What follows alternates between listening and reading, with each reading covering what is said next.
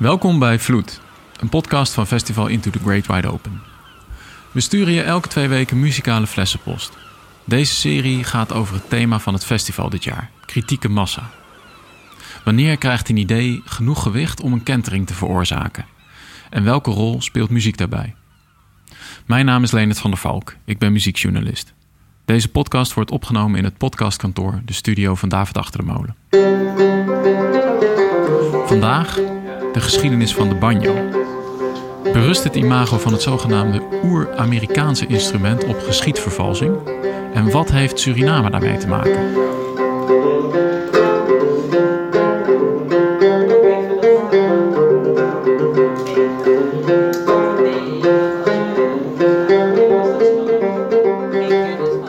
Op een druilerige decemberdag in 2019 tokkelt Rhiannon Giddens op haar banjo, terwijl ze op de grond zit in het Tropenmuseum in Amsterdam.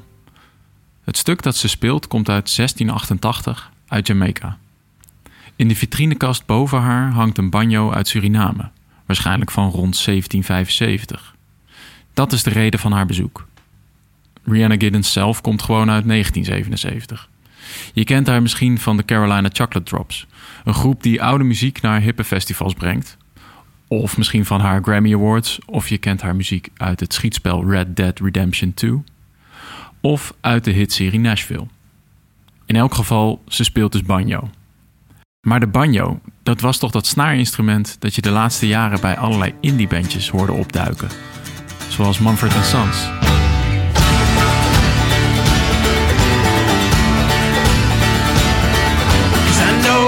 Time has numbered my days, and I'll go along with everything you say.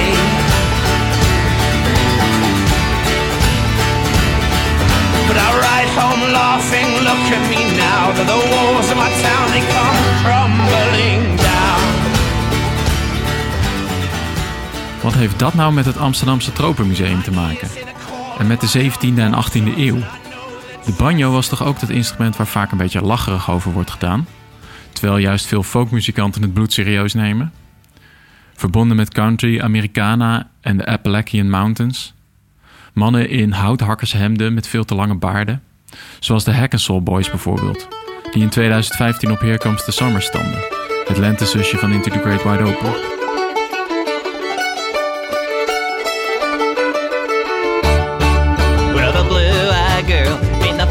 Well, the Cause the flower that blooms will back. But the blue eyed girls never seem to stay. The blue eyed girls never seem to stay. No way.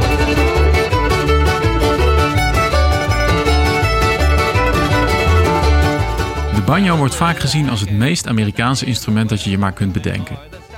Voor veel Amerikanen, met name die in het zuiden, is het zelfs een iconisch instrument. De belichaming van de eigen traditionele cultuur. Er woedt dan ook een hevig debat over de verschillende vormen die de banjo kan aannemen, de manier waarop die bespeeld moet worden en hoe de banjo is geworden wat die is. Aan dat debat doen muzikanten mee, maar ook historici en andere academici. Rhiannon Giddens is een beetje van dat alles. Ze is popmuzikante, maar ze doet voor haar muziek graag onderzoek. Ze trekt historische lijnen op haar albums.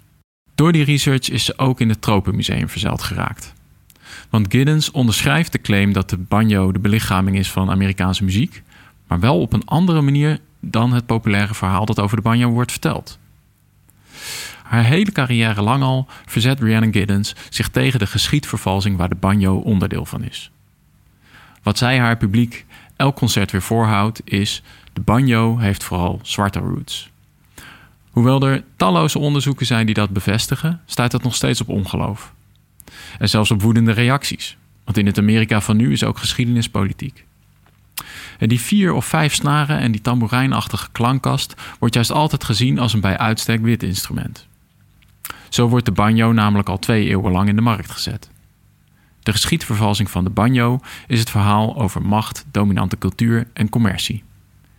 In het restaurant van het Tropenmuseum zegt ze daar zelf over. You know, because it's, it's a very hard narrative to fight because it's, it's been entrenched for a long time, and the white supremacists who sold that had every reason to make it sort of iron, you know, airtight. So. Geen historicus of antropoloog die eraan twijfelt dat de banjo een adaptatie is van een West-Afrikaans instrument. Of eigenlijk van verschillende snaarinstrumenten waarvan Afrikanen van verschillende volkeren de kennis meenamen op de slavenschepen.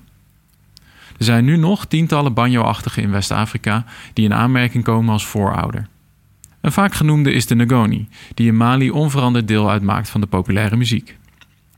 De absolute meester op de Ngoni vandaag de dag is Basekou Kouyaté, die met zijn familie een hele band heeft gevormd rond het instrument. Ngoni Ba. Je moet het zien als een gitaarbandje, maar dan met vier verschillende Ngoni's. Een venijnig klein ding dat er een beetje uitziet als een cricketbed. Basekou heeft die versterkt en zo leert het liefst als een West-Afrikaanse gitaargod.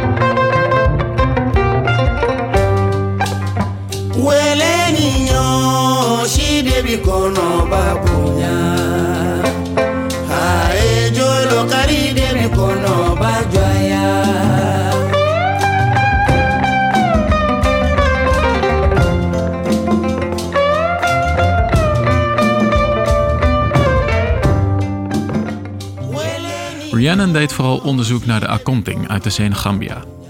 Een luid die met een lange steel en een kalabas als klankkast inderdaad veel lijkt op de oudste banjo's die we nu kennen. En hier komen we bij het Tropenmuseum. Want in de vitrine waaronder zij speelt, met de banjo op haar knie, hangt de oudste overgeleverde banjo ter wereld. En die komt uit Suriname. Het museumstuk trekt de laatste jaren de belangstelling van veel onderzoekers, met name Amerikaanse banjo-kundigen. En er valt veel over dat ding te zeggen. Zo is het de vraag of die inderdaad tussen 1772 en 1777 is meegenomen door de schot John Gabriel Stedman, zoals vermeld staat op het begeleidende bordje. Want de tekening die hij maakte van zijn vondst is heel anders. Maar voor het begrijpen van de geschiedenis van het instrument is het voor nu vooral belangrijk hoe Stedman zijn vondst noemde, namelijk Creole Banya, de Creoolse banjo. Rhiannon zegt daarover: Stedman wist blijkbaar al dat het instrument was ontstaan in de nieuwe wereld, uit de mengeling van Europese en Afrikaanse cultuur. Want dat is wat Creools betekent.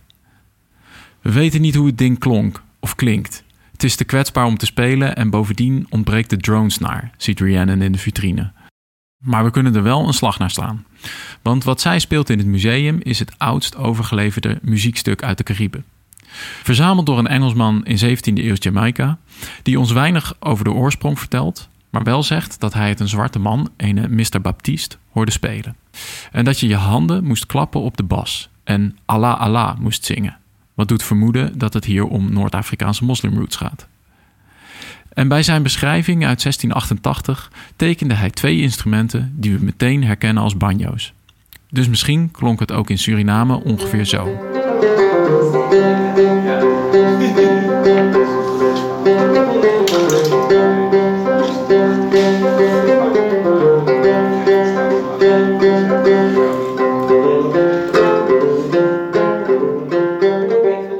In de huidige Surinaamse muziek is de banjo afwezig.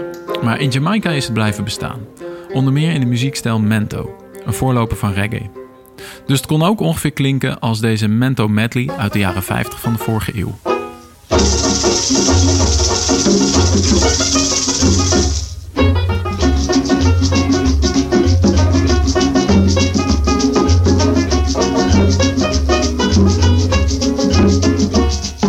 Come we go down a unity. Come we go down a unity. Come we go down a unity. Figure sit up here on white people. Tell them Kingston gal me say. Tell them Kingston gal me say. Tell them Kingston gal me say. Figure take bamboo make improvement. Come we go down a unity. Come we go down a unity. Come we go down a unity. Figure sit up here on white people. Kingston gal me say. Tell them Kingston gal me say. Tell them Kingston gal me say. we go take bamboo, make improvement. Oké, maar hoe werd dit Creoolse instrument het symbool voor de witte Anglo-Saxische cultuur in Amerika? Nou, de meeste slaven in Amerika kwamen via Caribisch gebied en namen de banjo met zich mee. En de pakweg eerste 100 jaar was ook in Noord-Amerika de banjo bij uitstek een zwart instrument en moesten witte Amerikanen er niets van hebben, legt Rhiannon uit. Everybody knew it was a black instrument. It was an emblem of black slave life. Was the banjo. Het werd gespeeld voor eigen vermaak op de plantages, maar er waren ook slaven of bedienden die moesten spelen voor een wit publiek. Vaak speelden ze dan Europese muziek. And it was it was very common. It was so common so that you, you would see things saying it's a white string band, and if it wasn't said, it was assumed it was a black string band, right? So this is how you know. Maar rond 1820, 1830 verandert er iets. Je kunt zeggen dat daar de eerste echte vorm van Amerikaanse muziekcultuur ontstaat. Namelijk in de minstrelshows, die in korte tijd extreem populair werden. Ja, inderdaad, die minstrelshows waar ook blackface ontstond. Je begint al te vermoeden waarom deze geschiedenis controversieel is. En vanaf hier wordt het ook een stuk ongezelliger. De minstrelshow was een combinatie van muziek, theater en circus waarin zwarte Amerikanen belachelijk werden gemaakt. Het zorgde voor een enorme nationale fascinatie met de Afrikaans-Amerikaanse cultuur, die voorheen eigenlijk nooit had bestaan voor witte Amerikanen. En daardoor ontstond ook de vraag naar de banjo. Commerciële vraag. In een paar decennia verandert de banjo van een zwart plantage-instrument gemaakt van natuurlijk materiaal naar een wit commercieel instrument met een nieuw type klankkast dat in massaproductie gemaakt kan worden. And then it becomes an emblem of a false black America. Becomes an emblem of, of blackface. Which, not to say that there are aspects of those songs that come from actual black culture, there definitely are. But the idea is that white people are portraying this imaginary black person with the. De minstrelshows zorgen binnen de ontluikende muziekindustrie eind 19e eeuw voor een reeks hits, waaronder veel zogenaamde coon songs. Coon was een racistisch scheldwoord. Als je luistert naar de opnames van Arthur Collins, een van de populairste vertolkers van coon songs, vliegen de racistische termen je om de oren. Het is een tamelijk bizarre en vaak pijnlijke luisterervaring. Zoals hier het nummer met de veelzeggende titel All Coons Look Alike to Me. All coons look alike to me, sung by Arthur Collins with banjo accompaniment by Mr. Bess L. Osmond, Edison Records.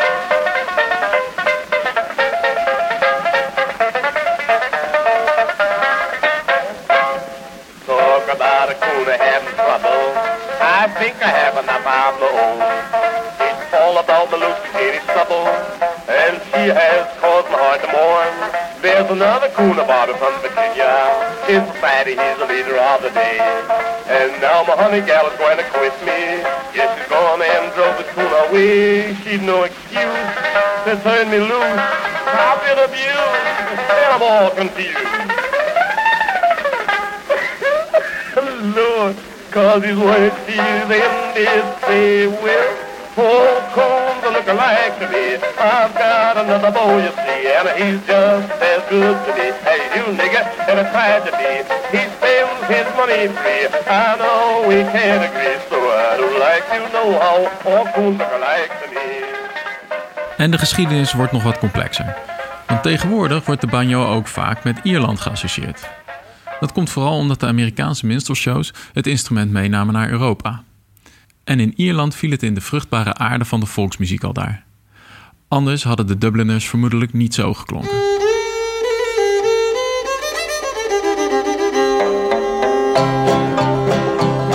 As I was going over the mountains, I met with Captain Farrell and his money. He was counting. I first produced me pistol and I then produced me rapier, saying stand and deliver for you are a bold deceiver, mushering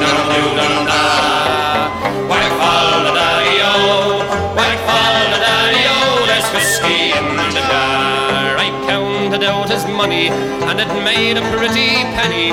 I put it in me pocket and I took it home to Jenny. She sighed and she swore that she never would deceive me. But the devil take the women for they never can be easy.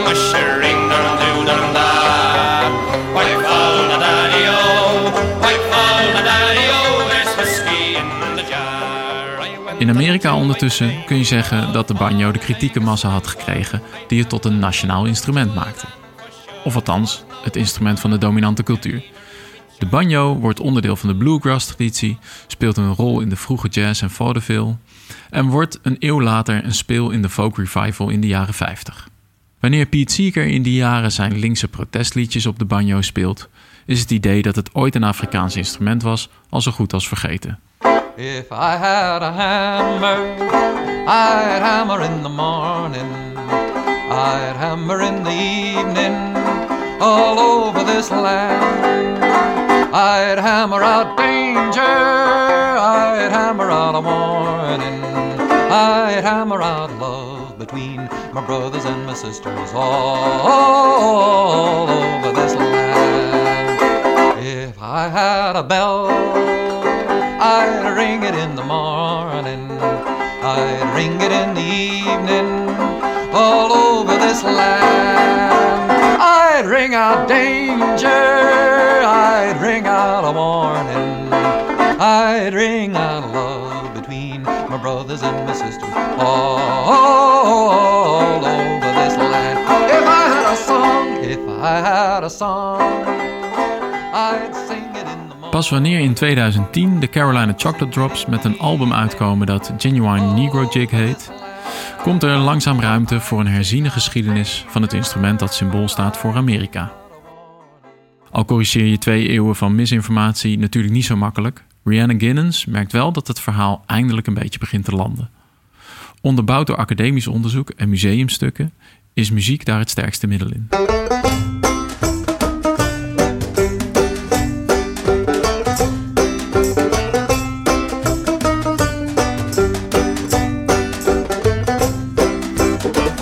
Everybody talking about the sweetie nowadays. I got the one with the sweetest ways. Your baby may roll it jelly fine. Nobody, baby, can roll it like mine. Your baby ain't sweet like mine. She makes a jelly roll all the time. And when I'm feeling lonesome and blue, my baby knows just what to do. Yes, sir. She even called me a honey. She even let me spend the money. Never has a baby put me out though. She even buys me all my clothes. I don't wanna brag, I wanna put you in line. Your baby ain't sweet like mine, no, no. Your baby ain't sweet like mine.